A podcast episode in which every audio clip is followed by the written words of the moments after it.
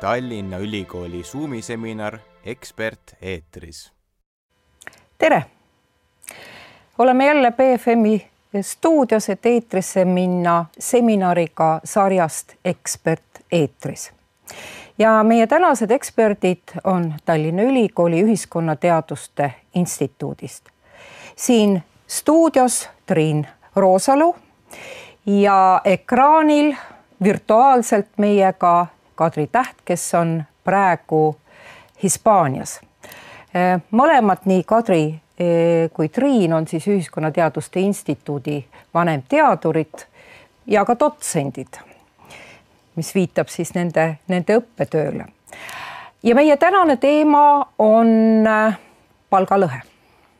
aga enne kui me selle teema juurde asume küsiksin ma Kadri käest, kes on kaugel Hispaanias, et milline on sinu igapäevaelu seal praegu?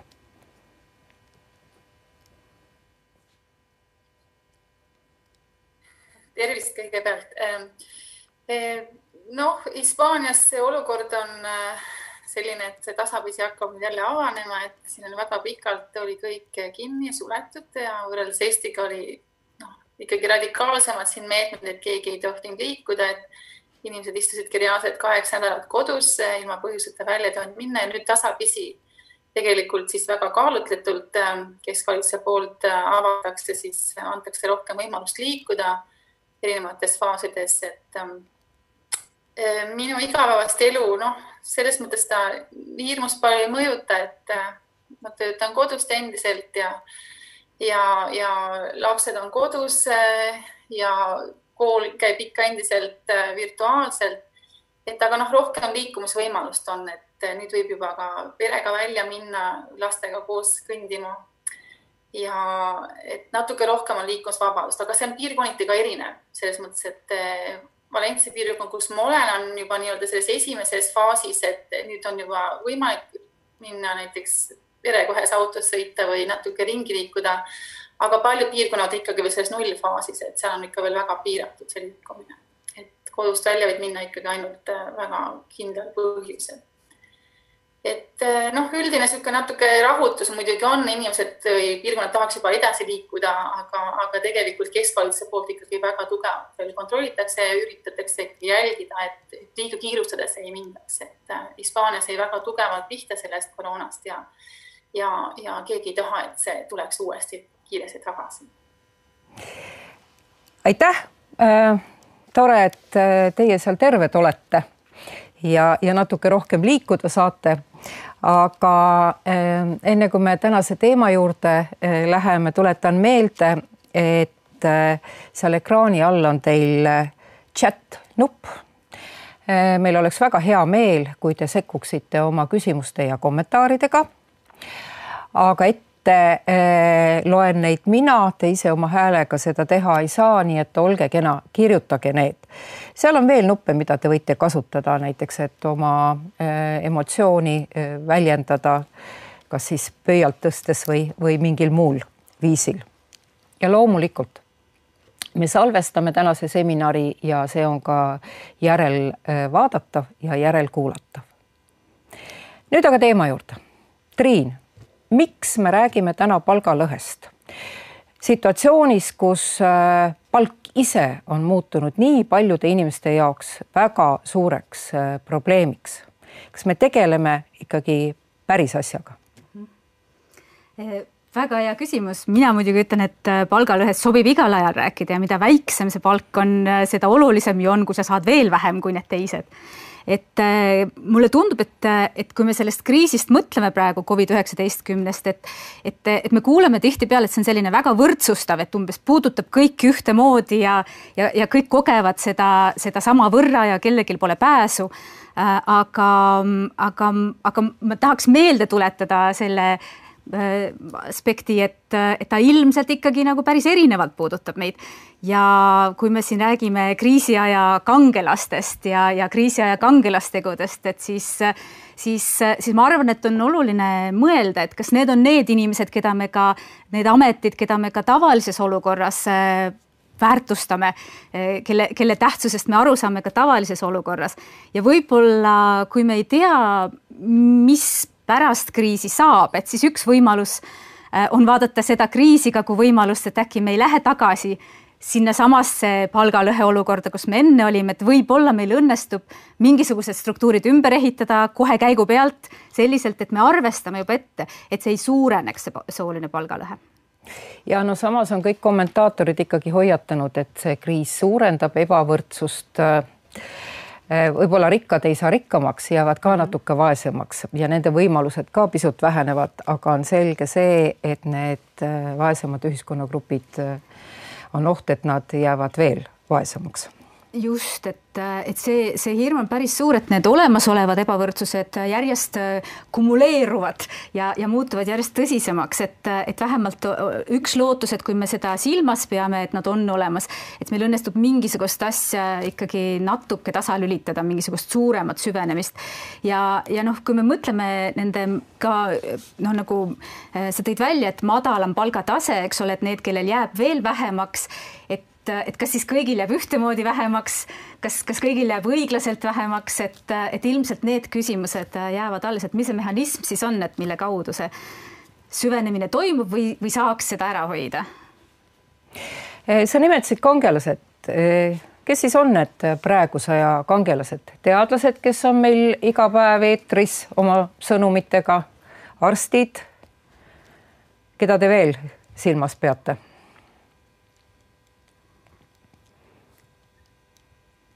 Noh, eks kangelased on needsamad eesliinitöötajad loomulikult, äh, kes on meditsiinitöötajad, äh, ka kaubandus mingil määral, et kes pidid kogu aeg olemas olema, et äh, ja, ja olema nagu nii-öelda puutuma kokku kõige otsesemalt ka selle, selle viirusega või, või teiste inimestega või olla, olema nii-öelda selles leviku riskialas kõige otsesemalt. aga noh, loomulikult ka tegelikult need, kes koju jäid, selles mõttes, et eh, ka järsku tegelikult muutsid väga paljud rollid või, või ka see töökorraldus, et, et näiteks pered, kellel oli lapsed, järsku oli neil väga suur hoolduskohustuse kasv, on ju, me ei ole, kõik ei ole sellega harjunud, et järsku on lapsed kodus, sa pead rohkem tegema süüa, sa pead jälgima, et nad kooliasjad saaksid tehtud. et tegelikult väga paljud elualad ja väga paljud inimesed pidid oma rolli nagu ümber hindama, et see oli suur muutus ja, ja mõned olid selleks rohkem valmis ja teised vähem, et selles mõttes, et ja noh, näiteks ka siin plaanis väga räägitakse, et kangelased, need, kes koju jäid, et ega see ei olnud ka tegelikult kõik ka lihtne, et, et noh, sellega tulevad ka suured kaotused. et noh, üks asi on see sotsiaalelu, aga teine on ka just seesama, et, et paljud inimeste töökohad olid ohus ja, ja ka teised inimesed võib-olla sõltusid neist, et, et tegelikult igaüks on omamoodi mingi panuse andnud ma arvan, et nüüd me peaks defineerima, eh, mida eh, te mõtlete palgalõhe all.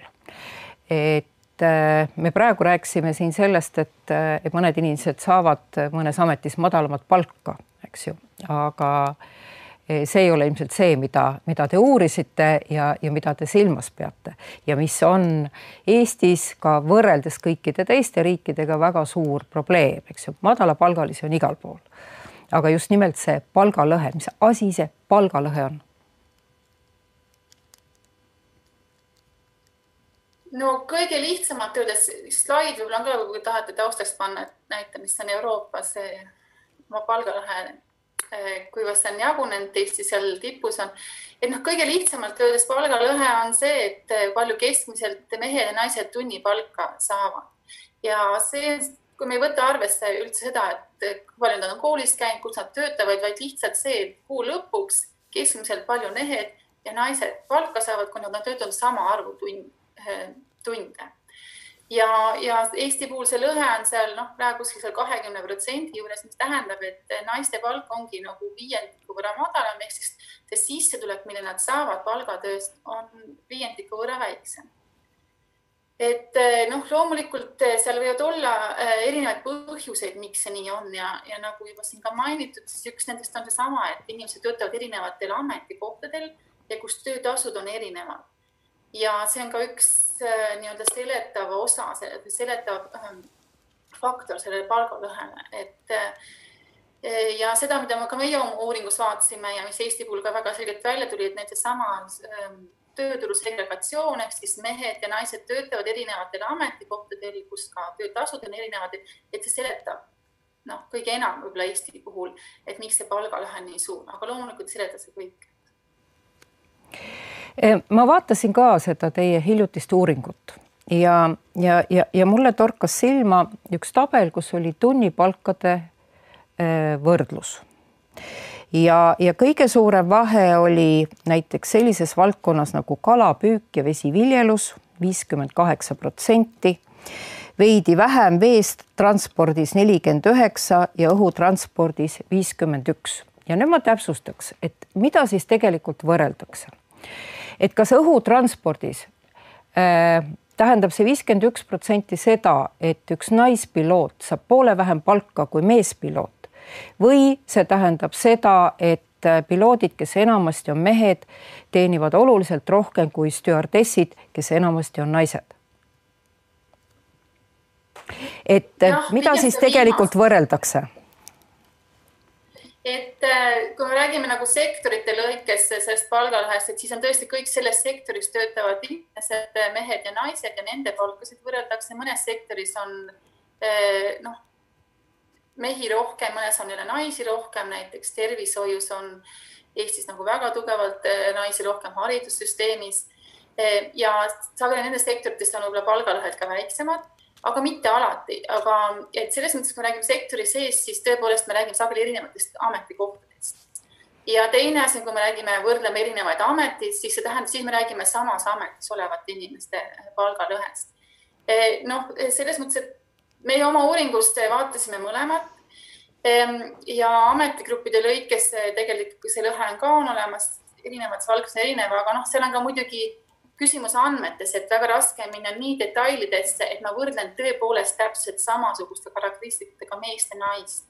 et üks osa sellest mitte seletatud eh, palgalõhest tuleneb ka sellest, et lihtsalt andmed ei võimalda nagu minna väga detailidesse aga noh, nendes mudelites, kus me võtsime arvesse nii seda sektorit, kus nad töötavad, kui seda ametit, eh, millest nad on, vähemalt ametigruppi, kui me päris detailset ametit ei saanud võtta, eh, aga ka veel teisi karakteristikuid, näiteks ettevõte, et millises ettevõttes töötavad, millise palgatasemega ettevõttes, palju seal ettevõtetes on naiste osakaal, aga ka võttes arvesse nagu haridustaset ja oskusi või noh, oskusi tegelikult võib-olla mitte, noh, neid tööturu katkestusi ja vanust et eh, siis tegelikult me suutsime umbes nelikümmend protsenti ära seletada sellest palgalõhest, et, et see on nagu, see tähendab seda, et me saame aru, et kus see palgalõhe tekib. et kui me suudame ära seletada, aga see ei tähenda seda, et, et see ongi hästi, et see on ära seletatud, et sellega me võime nüüd rahul olla, et endiselt jääb ju tegelikult küsimus, et eh, päeva või kuu lõpuks mehed ja naised eh, teenivad erinevat palka, toovad koju erineva palgataseme, see vahe on kakskümmend protsenti niimoodi keskeltläbi. Ehm, ja, ja noh, me võime küsida, et miks näiteks erinevates valdkondades eh, me väärtustame tööd erinevalt või, või siis näiteks ka, et miks on, et mehed ja naised on erinevates sektorites või erinevatel ametikohtadel ehm, et ka sellest tuleneb palgalõhe, et see, et me suudame ära seletada, ei tähenda, et see palgalõhe nüüd õigustatud no nagu selgub teie jutust et, et kuutkümmend protsenti me ikka ei suuda seletada. et kuidas teiste riikidega on, et see on noh, piinlik lugu küll, et me oleme Euroopa absoluutses tipus, eks ju ehm, noh, sellise näitajaga, eks ju, väga kahetsusväärne. aga, aga noh, kuidas, kuidas meie naaberriikidega olukord on nüüd võrdluses ehm, no võrdlusandmeid noh, on vähe, et noh, et samadel alustel võrrelda, aga see näiteks sama uuring, mida meie kasutasime, kasutasime, on ähm, töötasu struktuuri uuring. Ma tean, et ka Eurostat on selle pealt teinud analüüsi võrreldes siis Euroopa erinevaid maid.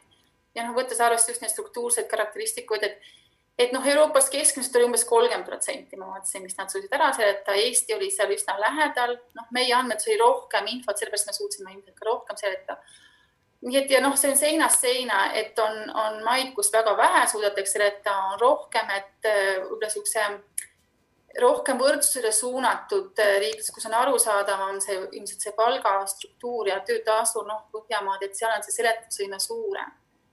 Ehm, et selles mõttes, et see on nagu väga erinev, et äh, ma arvan, me oleme seal üsna keskel, et oma seletusvõimelt, et, et me oleme küll suure lõhega, aga noh, me saame aru üksjagu, et millest see lõhe tuleneb. kuidas, kuidas teadlane suhtub sellesse, et ta ütleb ainult, et noh, ma, ma suudan äh, seletada nelikümmend protsenti sellest asjast ja rohkem ei suuda. suure elevusega muidugi mõista, et hakata. kuidas see võimalik on? jah, et, et suure elevusega, sellepärast et see tähendab, et neil on nii palju võimalusi, kuidas, kus hakata vaatama, et mis seal siis veel lahti on. et et, et ja nagu Kadri ka ütles, et isegi see nelikümmend protsenti, mida me suudame seletada, et miks ta siis selline meil on, eks ole, et, et ma arvan, et on teisi riike veel, kus naised ja mehed koonduvad erinevatele aladele või erinevatesse valdkondadesse, aga Eestis on see, see väga tugev, eks ole, et ta, ta mõjutab selles mõttes, et veel jõulisemalt kui nagu mitmetes teistes riikides. et ja siin tõesti nagu Kadri ka osutas, et, et kohe tekib küsimus, aga miks me siis seda või teist valdkonda erinevat moodi väärtustame, siis me oleme harjunud mõtlema, et on täitsa loomulik, et juhid saavad väga palju rohkem palka kui spetsialistid ja, ja teisest küljest on riike, kus see üldine ebavõrdsuse talumine on väga palju selline nagu väiksem, et, et me ei kannata, et kui juhid nagu väga palju rohkem saavad palka kui spetsialistid. Ja, ja, ja Eestis see, kui naised võrreldes paljude teiste riikidega on suurema tõenäosusega tegelikult ka juhtivatel ametikohtadel, et on palju ettevõtteid ja, ja sektoreid, kus, kus lihtsalt on neid nii palju, et jagub ka juhtideks. et, et, et me sellest hoolimata äh, neid valdkondi ja neid äh, siis äh, alasid, kus naised on juhid, me oleme täitsa nõus, et seal nad võivadki saada vähem, vähem palka ja, ja, ja seal ähm, ehk siis tahaks seletada sedagi, mis see juba seletab, eks ole, et, et miks ta meil niimoodi on, miks ta meil seda kõike kaasa toob. Äh, aga, aga noh, muidugi veel suurem küsimus, et noh, mis seal siis veel on, kuhu me veel peaksime vaatama ja, ja ma arvan, et siin ähm, äh, see nagu püüda seda üldse nagu, nagu mõtestada, äh, et me ikka lähtume siin niimoodi sotsioloogi pilguga, et, et eks on need ühiskonnategurid ja, ja siis on indiviidi tasandi tegurid ja kui me ühiskonnas saame rääkida, et on kas noh, mingi kultuur või selline väärtused ja, ja normid, mis mõjutavad, aga, aga teiselt poolt need ju mõjutavad siis indiviidi tasandi selliseid väärtuseid ja hoiakuid ja tõekspidamisi. ja me nüüd läheme selle konkreetse juhi juurde, kes konkreetses organisatsioonis otsustab, mida ta maksab inimestele, et kas ta maksab turundusjuhile ja personalijuhile ja müügijuhile ja tootmisjuhile sama palju. et või, või ta ütleb, et ainult müügijuht toob mulle raha sisse kõik teised on ainult puhas kulu. et, et, et selles mõttes see tuleb tal jälle, eks ole, kusagilt ühiskonna tasandi nendest hoiakutest ja väärtustest. ja teiselt poolt on siis ühiskonna tasandil, kas meil on institutsioonid ja struktuur niisugusena ehitatud, et meil me, me tõepoolest ähm, äh, haldame neid ebavõrdsusi kuidagi teisiti. Äh, äh, et ähm, kas meil on võimalik organisatsioonidel leppida sellise ebavõrdse palgatasemega?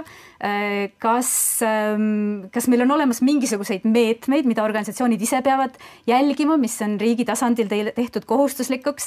meil on ju, eks ole, võrdse kohtlemise seadused ja muud säärased asjad, et et, et mis on need, need teed, kuidas organisatsioonid saavad mööda minna sellest, sellest võrdse kohtlemise printsiibist ja, ja teiselt poolt siis, kuidas see inimese tasandil jälle konkreetselt, mis võimalusi ta endal tajub olevat, et, et indiviidina, et see jälle tuleneb sellest, kus ta ühiskondlikus struktuuris on ja milline tema positsioon on.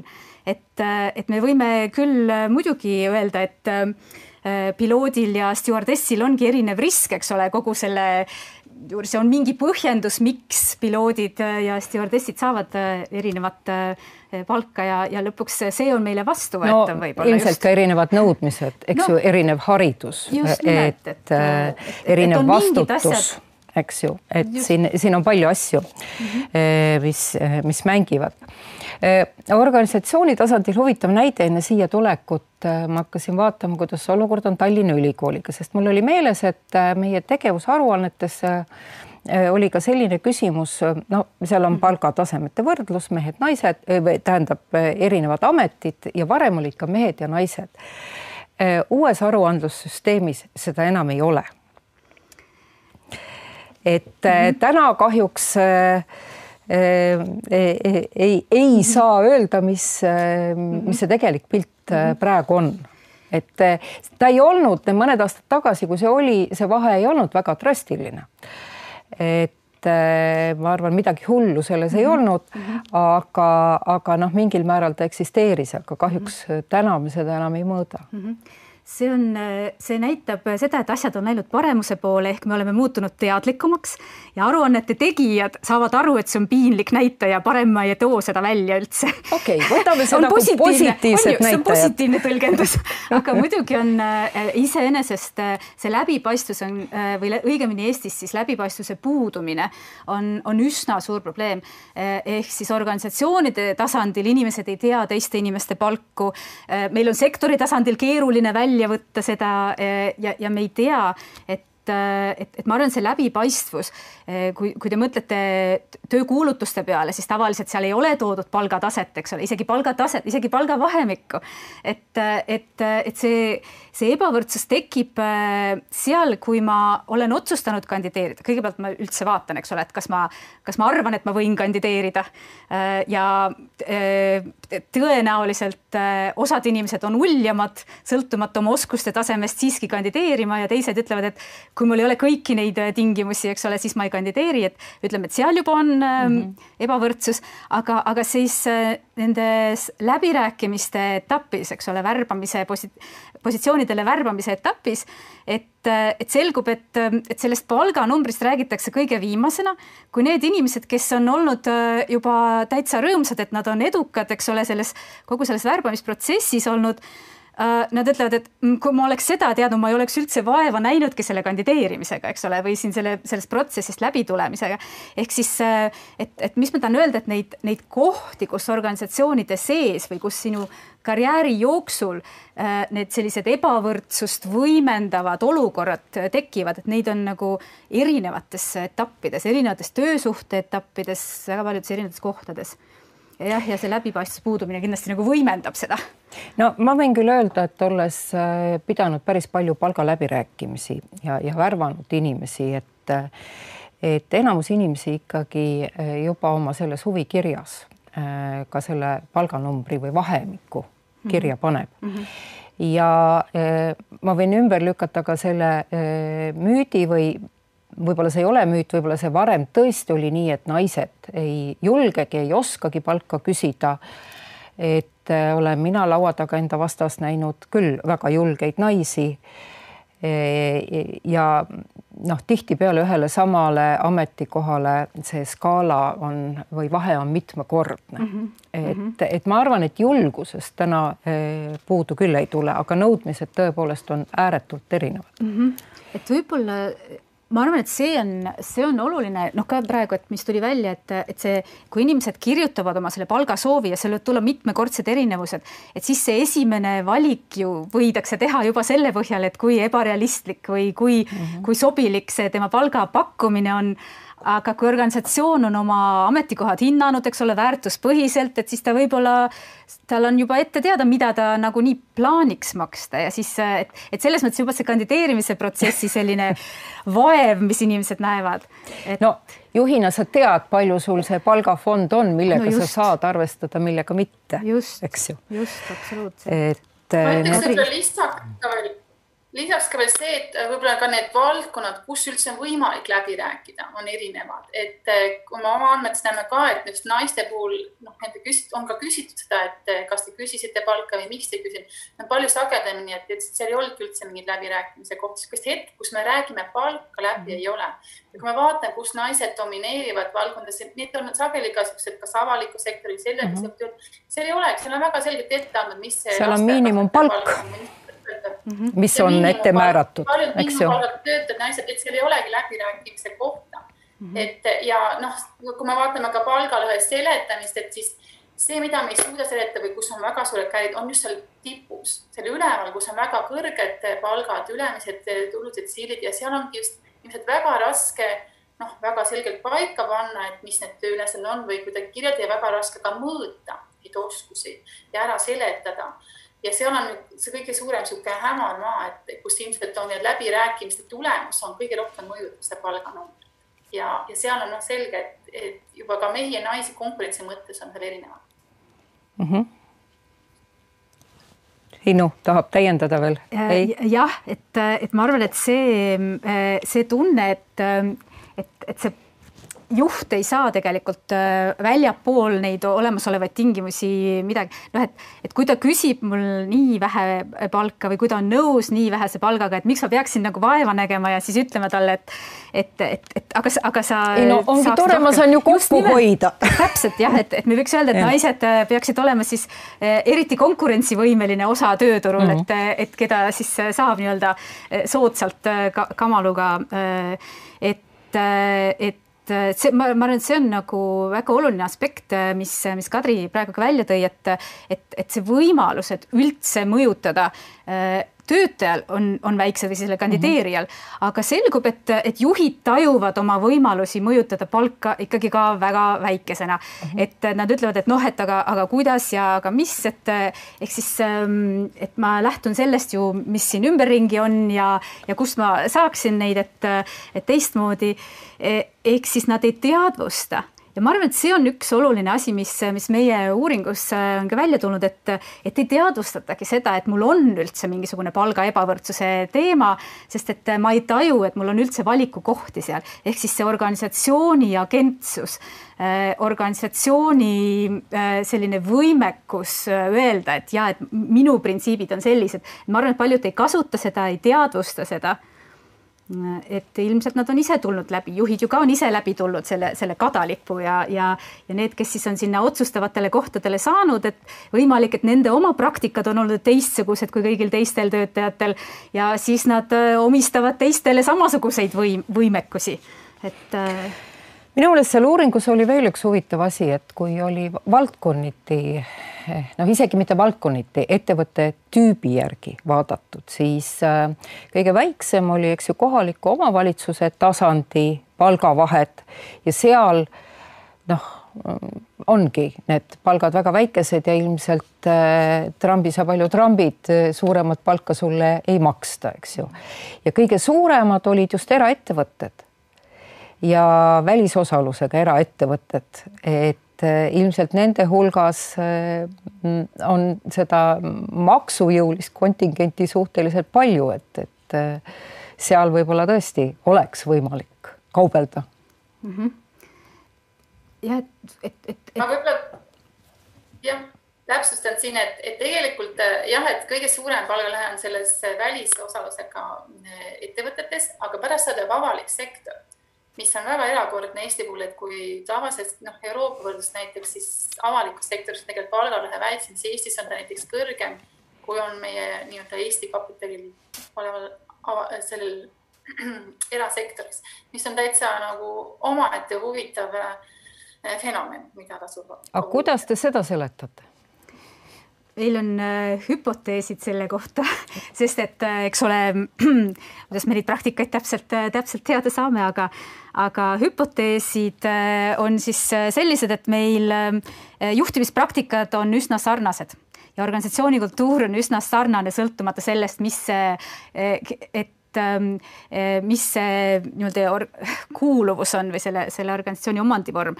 ehk siis liiguvad inimesed nende, nende vahel, organisatsiooni tüüpide vahel ja me ei ole no ma ei tea, võib-olla see suur, see eh, nii-öelda lahkukasvamine sellest Nõukogude bürokraatiast eh,, kus justkui nagu võib-olla nagu omistati talle ühtesid ja teisi, eks ole, omadusi.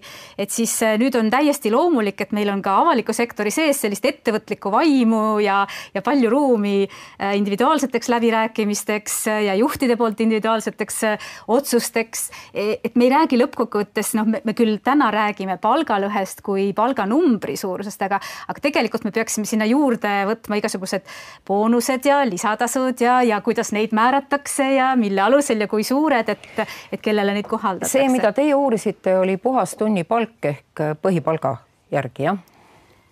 et sinna, sinna need kõikvõimalikud lisatasud ja need ei tule, eks ju, sisse et seal ei ole need sees, aga tegelikult, mida noh, me ka meie, me praegu arvame, mõtleme, tegelikult peaks ikkagi vaatama ka sissetulekut tervikuna, kuna on näha, et tegelikult lisaks tunnitasule on tõesti palju lisatasusid igasuguseid ja noh, samas ka asju, mida ei saa mõõta, noh, kasvõi see, et mul on telefon või auto, mida ei mhm. kasuta, mis ei väljenda isegi mingis rahanumbris. et tegelikult võib-olla peaks isegi rohkem kui nagu tunni või palgalõhest rääkima sissetulekute lõhest Äh, nii, ma nüüd loeksin siit chatist ka ühe kommentaari äh, ja see käib siis äh, tegelikult ülikoolide kohta ja rõhutab, et erinevused on suured distsipliinide lõikes, ka professorite tasemel. näiteks kallimad alad on ikkagi juura, tehnika reaalalad, odavad humanitaariad, sotsiaaltea-, humanitaaria ja sotsiaalteaduste erialade esindajate palgad. et äh, no nii ta paraku on, et ega siin tuleb tunnistada, et siin ka ülikooli kuue instituudi mhm. vahel on üsna suured äh, palgaerinevused, mhm. mis, mis sõltub erialadest. aga, aga noh, ma arvan, et see on seesama dilemma, mis äh, ütleme, tavalisel organisatsioonil on selle, selles osas, et kas mu raamatupidamisfunktsioon ja mu müügifunktsioon ja tootmisfunktsioon on samaväärtuslikud või, või on nad mm -hmm. erineva väärtusega ja, ja, ja nagu me võime öelda, et et jah, et, et ülikooli tasandil võimenduvad siis nende valdkondade muidu palgatasemete erinevused sa samamoodi. Teisest küljest, kui need inimesed, kes on siis kallimate valdkondade pealt, et, et noh, et meil on tihtipeale argument, et oh, muidu nad ju läheks ja toimiksid mujal. Aga miks nad siis tahavad tulla ja toimida ülikooli, et võib-olla ülikoolis töötamine on ikkagi nagu selline väärtus, mida nad saaksid mingisuguse eh, solidaarsusega siduda ja võib-olla noh, tasub mõelda selle peale, et, et, et kas see on niimoodi, et ta peab nii olema, et kas, mis need meie need mehhanismid on tasandada neid või tasakaalustada äh, neid, neid erinevusi. nii et see veel mõjuks õiglasena mm, -hmm. eks ole, kõigile osapooltele Eh, mis te arvate, kuivõrd on palkasi mõjutanud eh, meie eh, vanemahüvitise või emapalgasüsteem ja võimalus olla kolm aastat lapsega kodus, mis on üsna unikaalne ka maailma mastaabis ehk kõige, kõige luksuslikum ütleme, laste kasvatamise toetamise süsteem riigi mm -hmm. poolt, et millised mm -hmm. mõjud võivad sellel olla naiste eh, eh, rollile tööjõuturul mm. -hmm. võib-olla. et ähm, kui me vaatasime seda konkreetset äh, seal analüüsis, mis me tegime, noh, millest me oleme, millele me mõned korrad oleme viidanud, ähm, siis seal oli nagu väga ilusti näha, et äh, kuidas iga järgnev laps ähm, tähendab suuremat palgalõhet meeste ja naiste vahel ja noh, see tuleneb sellest, et lihtsalt naiste palk seisab kuidagi paigal üle selle elukaare või kasvab aeglasemalt kui meeste oma. et see ei pruugi olla otseselt ainult lastega seotud, et seal on muud faktorid ka. Ehm, aga noh, üks argument võib tõesti olla, et eh, kuna meil on pigem need tööturupausid on suhteliselt pikad seoses lapsehooldusega, et see võiks mõjutada seda palgalõhet ja, ja noh, et just nagu oskuste kaotsi minek. Eh, ja noh, lihtsalt inimestel kvalifikatsioon langeb või mis erinevad argumendid, et äh, Eesti puhul noh, väga täpselt me ei, ei tea või seda ei ole, seda ei ole analüüsitud, seda me plaanime teha ja tahame teha, et nüüd on meil registriandmed, äh, mis võib-olla võimaldavad seda teha, sellepärast et äh, see eeldab niisuguseid longituudseid andmeid, et me saaksime seda mõju hinnata. Aga no kui ma mõtlen muu, muude maailma uuringute peale, et siis tegelikult on näidatud, et et sellel ähm, noh, see, see vanemahüvitise või noh, see periood, millal ollakse kodus, et, et see pikkusel on tegelikult ei ole nagu sellises negatiivne mõju, mida kauem sa oled kodus, et on mingi aeg, kus tegelikult see palka ei mõjuta ja, ja ta hakkab, e, pigem mõjutavad negatiivsed, noh näiteks kasvõi see nii-öelda see emadustrahviks, me oleme seda nimetanud, et e, naistel see palk langeb seoses laste kasvamisega, et kui see periood on väga lühikesed või väga pikad. Et ma ei saa öelda mingit optimaalset, mis see on, et see ilmselt sõltub natuke nagu ühiskonnast, aga, aga tegelikult noh, et väga pikk paus loomulikult mõjutab, aga ei saa öelda, et need on otseselt mõjutab, aga samas ta võib, et me ei tea täpselt seda, kui palju ta mõjutab, et Ehm, aga, aga seal võib olla ka, see mõju võib olla ka kaudne, et tegelikult see arusaam ja uskumine, et kuna naine on suurem risk tööandja jaoks, sest võib-olla ta jääb koju ja ma ei taha temasse investeerida, sellepärast ma juba hindan teda vähem töötajana. et need mõjud ei pruugi olla ka otsesed, vaid need tulevad ka kaudselt, et, et noh, meie hinnangul arvamusel, et need on, mõjutavad tegelikult seda palgalõhet ka, aga, aga kuidas täpselt ja kui palju ja millise mehhanismina, et et see ei ole nii selge. Võib-olla ma kommenteeriks nii palju, et, et see kolmeaastane eh, eh, nii-öelda eemalolemise võimalus oli veel enne seda, kui meil see üliluksuslik vanemahüvitise süsteem kehtima hakkas, ehk siis eh, ma arvan, et see, mis on juba juhtunud selle vanemahüvitise süsteemi kehtimise ajal, on see, et, et selle päris mitmed pigem siis ütleme karjäärile orienteeritud äh, inimesed või siis ka just väiksema sissetulekuga inimesed kolme aasta asemel ongi kodus ainult see poolteist aastat, äh, mis see vanemahüvitise periood on. ehk siis, äh, ehk siis võimalik, et seda äraolemise aega on üldse see vanemahüvitise kehtimine lühendanud, mis on võib-olla probleem, eks ole, mingisugustes aspektides ja teiselt poolt kui me üldse mõtleme vanemahüvitisele kui, kui võimalusele, siis noh, kui me tema sellele nimetusele mõtleme, et see on siis nagu hüvitis selle eest, et sa oled vanem, eks ole, kuigi põhimõtteliselt on hüvitis selle eest, et sa oled tööturult eemal. nagu su peamine hüvitis. identiteet, just, et uh -huh. su peamine identiteet on tööga seotud ja, ja ta on sealt eemal, et noh, et kui see mõni teine nimetus oleks sellel, et võib-olla oleks, oleks toredam ja võib-olla me saaksime paremini aru, et, et sisuliselt see on kogu selle eh, noh, kodutöö või selle, selle muus mõttes tasustamata kodutöö selline tasustamine või hüvitamine, et mitte, mitte panna seda ainult siis selle lapse isa peale, kes meil Eestis on selline ebakindel tegur, et, et, et, et, et vanemad saaksid nagu seda seda aega ka tasustada no,. kui see vanemahüvitise süsteem loodi eh, sajandi alguses -hmm. selle sajandi alguses pärit päris ja, ja, ja kuna ma juhtumisi oli selle juures, siis olid ju ka vaidlused nimetuse üle teine variant oli eh, või algas see kõik ema palgast mm, -hmm. aga see mõte, et see on töö, mille eest palka maksta, tundus ikka tol ajal väga paljudele täiesti vastuvõetamatu mm. -hmm. nii nagu noh, täna me vaidleme umbes sama palju, kas eh, vanema inimese hooldamine kodus on töö, eks ju, või on see midagi mm -hmm. muud, eks ju. aga mõlemal juhul on see enamasti üsna loomulikult lükatud naise õlgadele mm. -hmm et, et võib-olla siin see üks aspekt on ka see, et kui me ütleme, et noh, ema palk, aga see meie printsiip on praegu, et ta on ebavõrdne, ehk siis ta on seotud su eelmise mm -hmm. töötasuga, et siis tundub nagu ühe lapse kasvatamine oleks kuidagi nagu mahukam töö kui teise lapse kasvatamine ja eks ole, selles mõttes ma saan aru, kuidas see nimetus ka ise ebavõrdsust, eks ole, looks mm, -hmm. kui ta mhm. oleks vanem, vanema palk, et et, et, et sel juhul peaks see süsteem juba olema selline universaalne, kõigile sama palju, et, et saaks öelda, et lapsed on meil võrdsed mm. -hmm. et, et eks siis seal on need päris erinevad äh, küsimused, mis on mis on sellega seoses õhus, ega meil Eestis üldse see, see keeleteema siin ka selle palgalõhega seoses on, on ilmselt üks päris huvitav aspekt, mida, mida silmas pidada. oma uuringut tehes, kas te nägite ka seost äh, selle kodutööde hulga ja, ja ema või naise vastutusega kodus ja, ja, ja palganumbrite vahel, et et millised seosed siin on? kas, kas võib väita, et noh, need, kes siis kõrgemat palka saavad, noh, justkui rohkem tööd teevad, et mm -hmm. kas nad teevad kodus vähem mm? -hmm et äh, selles äh, palgalõhe mõõtvas uuringus äh, me seda praeguses analüüsis ei vaadanud, aga me oleme vaadanud seda sellesama projekti raames siis teiste elanikkonna küsitluste pealt ja arvamusküsitluste pealt oma, oma meeskonnaga. ja, ja seal noh, ei, ei noh, saab öelda, et läbi kõikide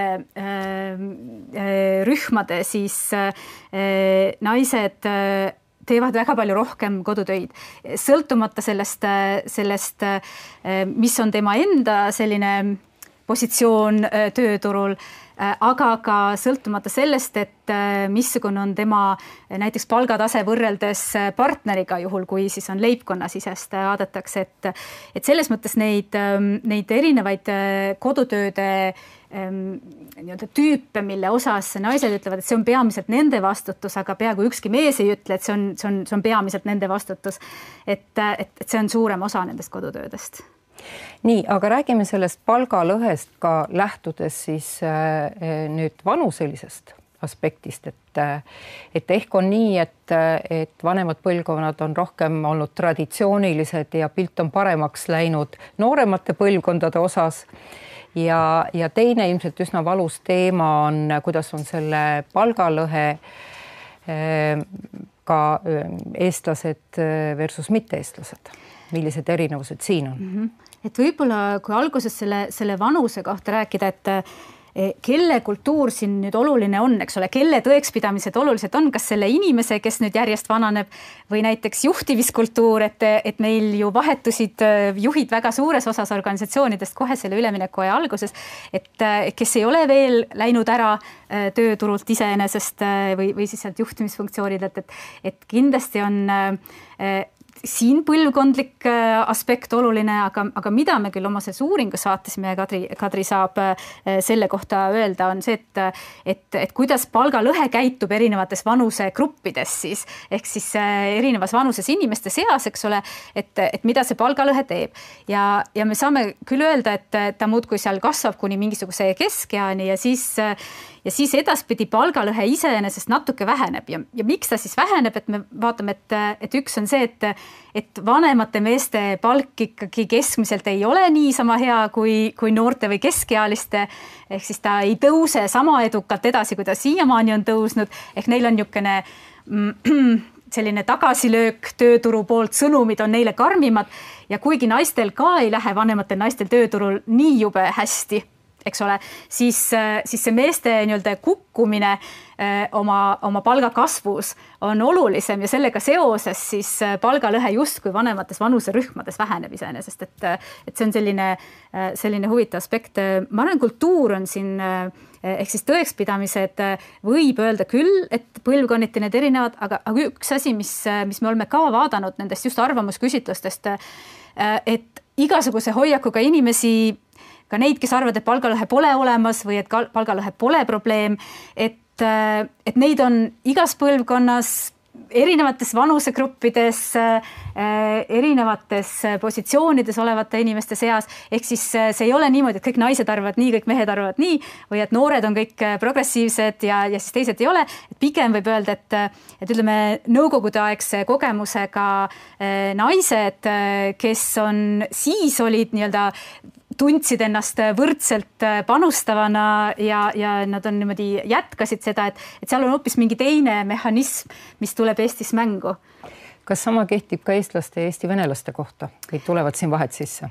vot, et siin jah, tulevad, tulevad need vahed sisse. Kadri, kas sa tahad kommenteerida natuke neid vahesid, kuidas nad tulevad või, või millised nad tulevad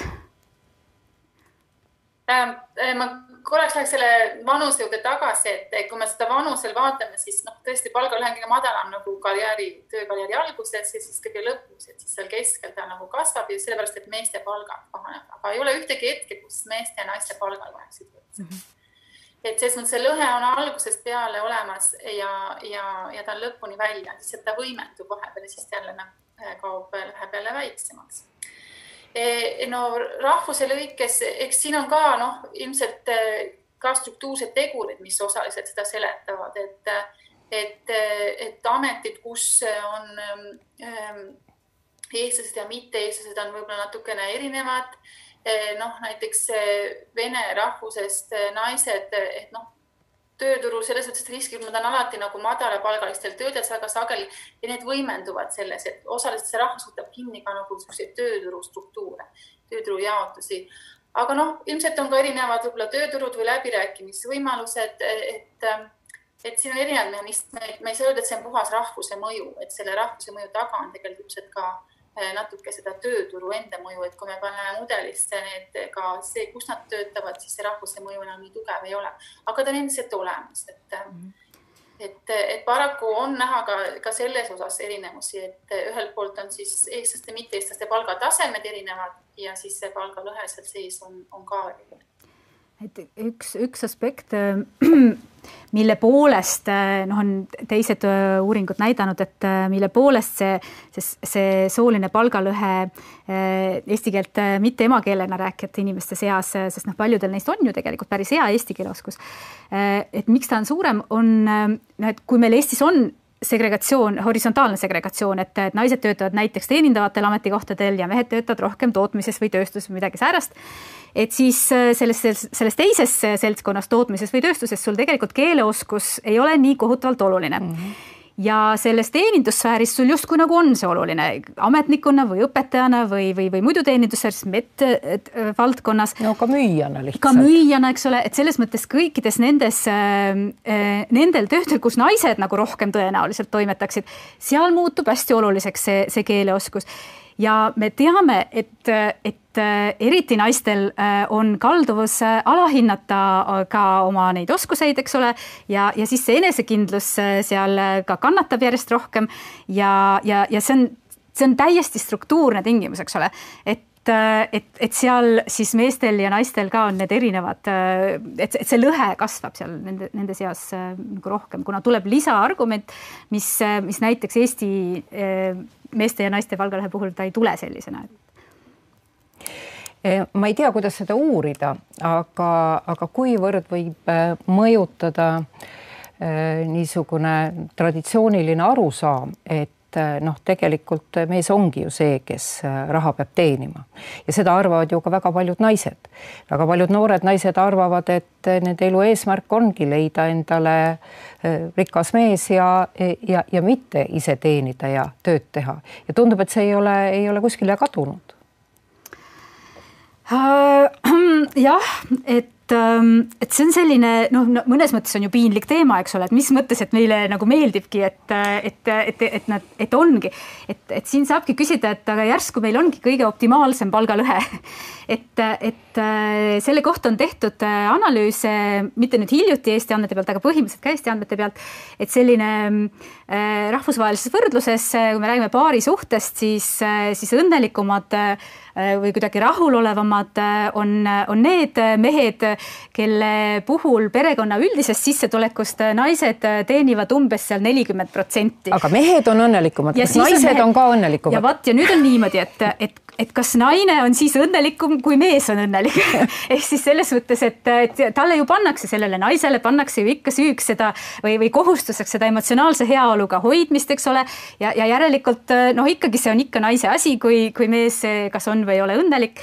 et kogu see emotsionaalne töö ju, mis äh, lisaks nendele tavalistele kodutöödele, mida me oskame nagu mõõta, et ma ei tea, pesu pesemine ja nõude pesemine ja laste kantseldamine, et äh, et seda ikka päris palju pannakse sinna naiste õlgadele ju ka, et ja ega siis sellepärast eh, nendes ohtlikes olukordades, kus naine teenib peaaegu sama palju kui mees või hoidku selle eest isegi rohkem, eh, on ehm, tal kalduvus seda kompenseerida veel rohkemate kodutööde tegemisega.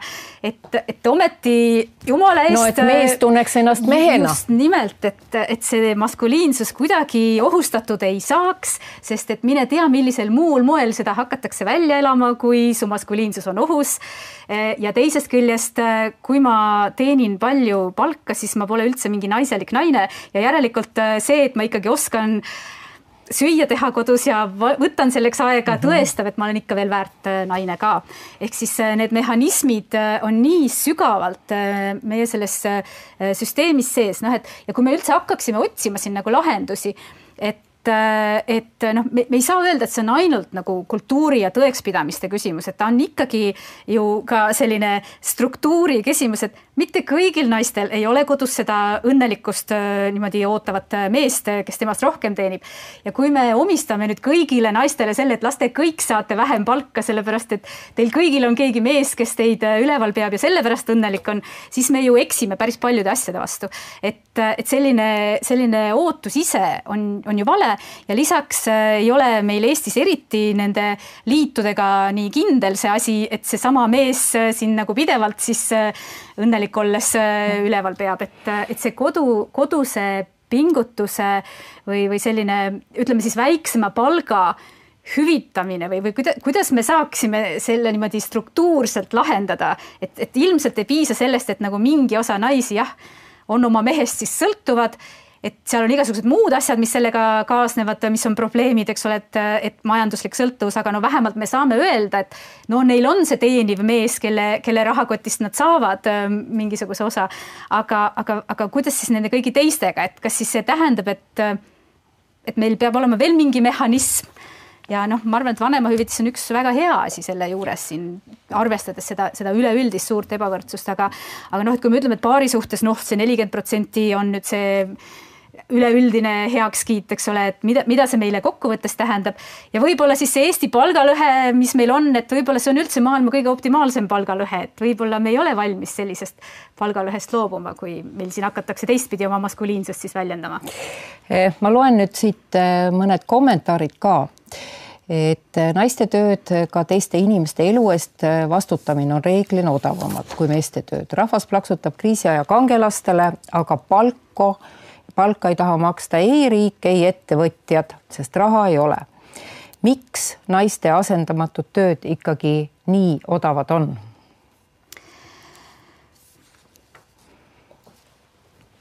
sest see on meie ühiskondlik kokkulepe selline. kas teie olete? väärtuste küsimus, et äh, mida peetakse produktiivseks ja mida on nagu lihtsam mõõta, et seal on mingi tulemuse, mida ei ole lihtsam mõõta, aga naiste tööd on nii-öelda need tasustamata tööd, varjatud töö, mida me igapäevaselt teeme, aga, aga mida me ei mõõda, mille me ei pane hinda külge. kõik hoole, hooldustööd. et see on nagu, see on väga palju väärtuste küsimus et äh, ehk siis see noh, mõnes mõttes ühiskondlik kokkulepe jah, et me kõik lepime sellega, et meile tundub, see on, see on, see on, see on hea ja õige.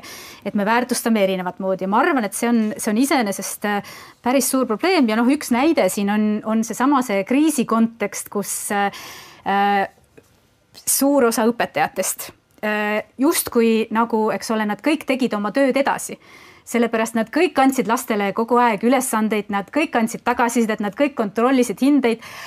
aga, aga lisaks sellele oli veel mingisugune asi, mis nüüd tuli kõik kodude peale, eks ole, palju suuremal määral. ehk siis ühest küljest õpetajad tegid sedasama asja edasi ja veel pingelisemalt kui varem ja ei teadvustanud ei seda aspekti ega siis seda teist aspekti, mis praegu jäi nüüd isadele, emadele, kes kodus äh, lastele, ehk siis need mõlemad aspektid on tegelikult olulised, et see, et see laps oli mul turvaliselt hoitud, et ta oli kusagil, kusagil mujal, ma teadsin, ma usaldasin, et tal midagi halba temaga ei juhtu. et, et lisaks sellele õpetamisele ja, ja kõigele sellele, ehk siis, ehk siis me ei näe selle, selle, selle suure ülesannete kogu nagu sisse, mis on ühe või teise ametialaga eh, kaasas ja siis meil vahel ikkagi, me ikka küsitakse, et noh, et aga noh, kui mul maja kokku kukub, et eh, kas see pole suurem nagu oluline probleem, et kui me ehitajale nüüd maksame, et ikka see on tähtis, et oma maja siis ei kuku kokku. et mõnes mõttes see on kindlasti õige, aga kuidas me saame aru, kas see, kas see kasvatatud hing kukub kokku või ei kuku kokku, et mida me selleks peame tegema et, et, et siin on midagi, ma arvan, et midagi sarnast sellega, kui me oleme rääkinud, et siin viimastel aastatel või nende eurorahadega me oleme taristusse investeerinud, aga mitte inimestesse. et, et või, või kuidas me oleme inimestesse investeerinud, et me, ma arvan, et see on natuke siin see, seesama diskussioon tegelikult. nii, no me jõudsime sinnani, et kõik algab ikka väärtustest ja, ja ilmselt on väga oluline see, kuidas me juba oma lapsi kasvatame, eks ju, noh, kaasa arvatud see, et, et me ei kasvata oma tütreid nii, et, et nemad paneks vastutuse leiva teenimise eest oma tulevasele kaasale, eks ju. ja ei kasvataks oma poegi nii, et iseenesestmõistetav on, et nemad kunagi tulevikus hakkavad rohkem teenima, eks. et, et see on üks, aga see on väga-väga pikk tee. et kas on midagi, mida me ikkagi saaksime nüüd ka lähitulevikus teha? Äh, ma kõigepealt juhin sellele tähelepanu, et nii kui me ütleme, et me peame lapsi kasvatama, siis jälle naised äh, peavad seda tegema, emad ja vanaemad ja sest et nad on kõige rohkem, kes, eks ole. mina ei täpsustanud kumb. ma sain aru, aga see, aga, aga selles mõttes, et, et, et kui äh, hea kuulaja siin äh, mõtles, et siis ta ilmselt võib ette kujutada, kes neid lapsi siis kasvatab kõige rohkem. et, et vaatame, palju aga... mehi siin on kuulajate hulgas üldse aga, aga õige õige vastuse poole on pigem nagu jah, see, et, et ilmselt on midagi, mida me saame teha kohe täna. et et, et ühest küljest juba see, et kuidas meie praktikad mõjutavad ka seda, mida me peame normaalseks, eks ole. et, et no me, me teame, et Eestis kümme aastat tagasi mitte ükski tüdruk ei öelnud, et ta tahab saada presidendiks ja viimasel ajal seda ikka juhtub. ehk siis mingisugune praktika võib hakata iseenesest muutma ka, ka tõekspidamisi ja mida me peame õigeks ja normaalseks, et, et selles mõttes, kui me nüüd saaksime nii kaugele, et meil oleks mingisugused, ma ei tea, läbipaistvad palganumbrid või, või et kui meil õnnestuks kuidagi süsteemselt jälgida organisatsiooni sees organisatsioonide vahel, sektorite lõikes, mis on meil õiglane, jah, me saame öelda, et ma ei tea, õpetajad äh, ja, ja, ja muud ähm, avaliku sektori ametikohad, et, et tegelikult meil on õpetaja äh, palgataset õnnestunud ju viimastel aastatel oluliselt tõsta. et, et, et järelikult noh, me saame nende väärtuste pinnal muuta asju. no õpetaja saab meil palka ka riigilt. just nimelt. eks ju. et see palkade avalikustamine noh, on üks asi, mida, mida taolistes diskussioonides alati esile tuuakse, et, et see kindlasti aitaks. kas on veel midagi? et üks. Noh, et töö ja pereelu ühildamise noh, et ma veel eelmisele sellele äh, vestluse või noh, küsimusele tahtsin lisaks tuua, et noh, et sama, see sama kriisikogemus võib ju samamoodi ka mõjutada tegelikult meie väärtuseid, anda nagu ta noh, ta oli üsna suur ja massiline ja ta puudutas noh, kogu ühiskonda. et ilmselt väga paljud võib-olla paarid, kellel on lapsed ja kes olid nüüd järsku kodus, kõik pidid üle, ümber hindama järsku selle kodutööde vajaduse hulga ja lastehoiu vajaduse hulga ja ka see arusaam, et kui oluline on see, et, et vanemad saaksid tööl käia, peab olema kvaliteetne lastehoid. et ka sellised olukorrad võivad tegelikult noh, luua võimaluse oma ühiskondlike väärtuste läbi ülevaatamiseks ja ka seal võib-olla mingi muutuse võiks tulla. kui ma niimoodi lootusrikkalt mõtlen sellele kriisile, et, et midagi võiks sealt abiks tulla. keegi kuulajatest on kirjutanud ka seda, et, et praegu kriisi ajal me näeme, kuidas ühiskondlikku tööd teevad inimesed rohkem, et mis te arvate, kas see võiks ka niimoodi jätkuda ja kas see võiks nagu muuta midagi? et siis äh, tasuta tööd te tehaksegi mm -hmm. rohkem ja, ja siin ähm, see kindlasti võiks see jätkuda, see on üks asi. Ähm, võib mõelda, kellel on võimalik seda teha ja kellelt eeldatakse seda, et, et nad teevad. et, et ma arvan, et need küsimused jäävad, et, et meil ei, no ma ei, et on väga suur tõenäosus, et on Eh, sellised eh, väga heal positsioonil inimesed, eh, kellel on suurem võimalus, eks ole, panustada heategevusse ja heategevuslikult ka oma aega. või siis teisest küljest on inimesed, kellel just nimelt on nagu kõige rohkem teha ja kas, kes näevad kõige rohkem neid, neid päris ajadusi ka panustavad, et, et, et kas see, kas see vabatahtliku töö selline ähm, võrdsustav efekt, kas see siin nüüd eksisteerib, selles ma ei ole päris kindel. aga mm., aga, aga noh, miks teda siiamaani ei ole väga palju olnud, noh, me teame, et Eestis ei ole olnudki, sest et meil ongi suhteliselt väikesed palgatasemed olnud ja suhteliselt pikad äh, tööpäevad, eks ole. ja, ja suhteliselt äh, palju nädalas töötunde panustatakse nii palgatööle kui mm -hmm. siis äh, majapidamistöödele. ja väga kui, kõrge naiste hõivatus. just nimelt, et selleks, selleks, selleks vabatahtlik töö või, või noh, et, et see, et lisaks sellele meil on veel toimunud ikkagi jätkuvalt laulupeod, mis eeldavad paljude inimeste sellist panustamist kogu aeg väljapool seda, seda tavalist töö, töö ja pereelu ühendamise maailma, et, et ma arvan, et see, see on küll üks asi, mis meil on teadvustamata, aga kui see kipub nii olema, et, et pärast ka seda, seda tasustamata tööd nüüd rohkem naised äh, ikkagi teevad äh, ka vabatahtliku tööna, et hmm,, et huvitav, kuidas ta siis meil palgalõhet hakkab mõjutama või seda võrdseid võimalusi. nii, siin on äh, ka arvamus, et riik peab väärtustama, kuidas te seda kommenteerite? ma olen absoluutselt nõus aga mida see äh, tähendab, riik peab no, väärtustama? mõned näited. näiteks üks näide on see, et äh, riigihangete tegemisel äh, riigihangete tingimuse seadmisel ei, ei tohiks ähm, leppida ma ei tea, selliste pakkumistega, kus on ilmselgelt näha, et see töö, mida on vaja ära teha ja see töötasu, mis on ette nähtud inimestele, see tööjõukulu ei ole lihtsalt adekvaatne. ja seda noh, mulle tundub, et, et tihtipeale just nendes sektorites, kus naised töötavad ja neid riigi äh, tellimusi täidavad, kas koolitused või, või muud sellised äh, valdkonnad, et seal meil on nagu palju lihtsam öelda, et jah, et seda ei ole tegelikult tarvis. ühesõnaga ei kõige odavamale pakkumisele. Just nimelt. veel ei, kõige odavamale pakkumisel on väga-väga hea. veel mõni mm -hmm. konkreetne ettepanek? mm. -hmm. meil hakkab aeg lõpusirgele jõudma, et proovime no,. eks riik väärtustab ka seda, kui ta näiteks meil on lastehoid või et on ka väikelastehoid olemas või et see on kättesaadav kõigile, et see ei ole erakätes, et see ei sõltu inimese rahakotist, et erinevad need. no see on kohaliku omavalitsuse küsimus, aga, aga põhimõtteliselt jah. ikkagi nagu hariduse kvaliteet, et see taga on, seal taga on nagu need juba, et ma tean, et see lasteaed, kuhu mu laps läheb, tegelikult ta saab, ta on hästi hoitud seal, et, et ka noh, need erinevad või no need palgaläbirääkimised erinevates valdkondades noh,. need lepingud, et seal ka räägitakse läbi, et millised tasemed mm. -hmm. Ja, tegelikult neid regulatsioonimehhanisme on päris palju.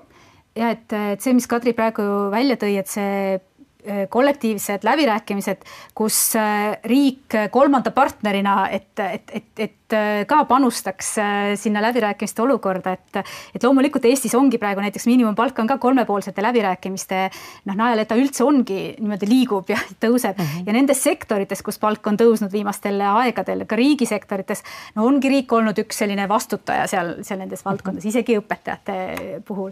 et, et aga mujal see panustamine. nii, aga nüüd on aeg ümber ja ma pean tänama. Ehm, ega meil seda võluvitsa ilmselt ei ole. ja ilmselt tuleb ka teil edasi uurida, sest kuuekümne protsendi ulatuses ei oska me veel seda oma mm, väga suurt palgalõhet ju seletada nii et eh, jääme ootama siis eh, teadlaste edasist panust ja, ja loomulikult siis ka riigi nii riigi samme kui ka tegelikult ikkagi hakkab kõik meist endist, meie endi suhtumisest, meie endi väärtushinnangutest. et, et, et ma arvan, et üheskoos suudame me ehk veidi seda lõhet vähendada.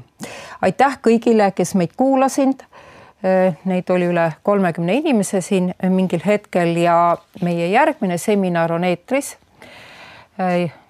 Zoomis, vabandust järgmisel teisipäeval, kahekümne kuuendal mail.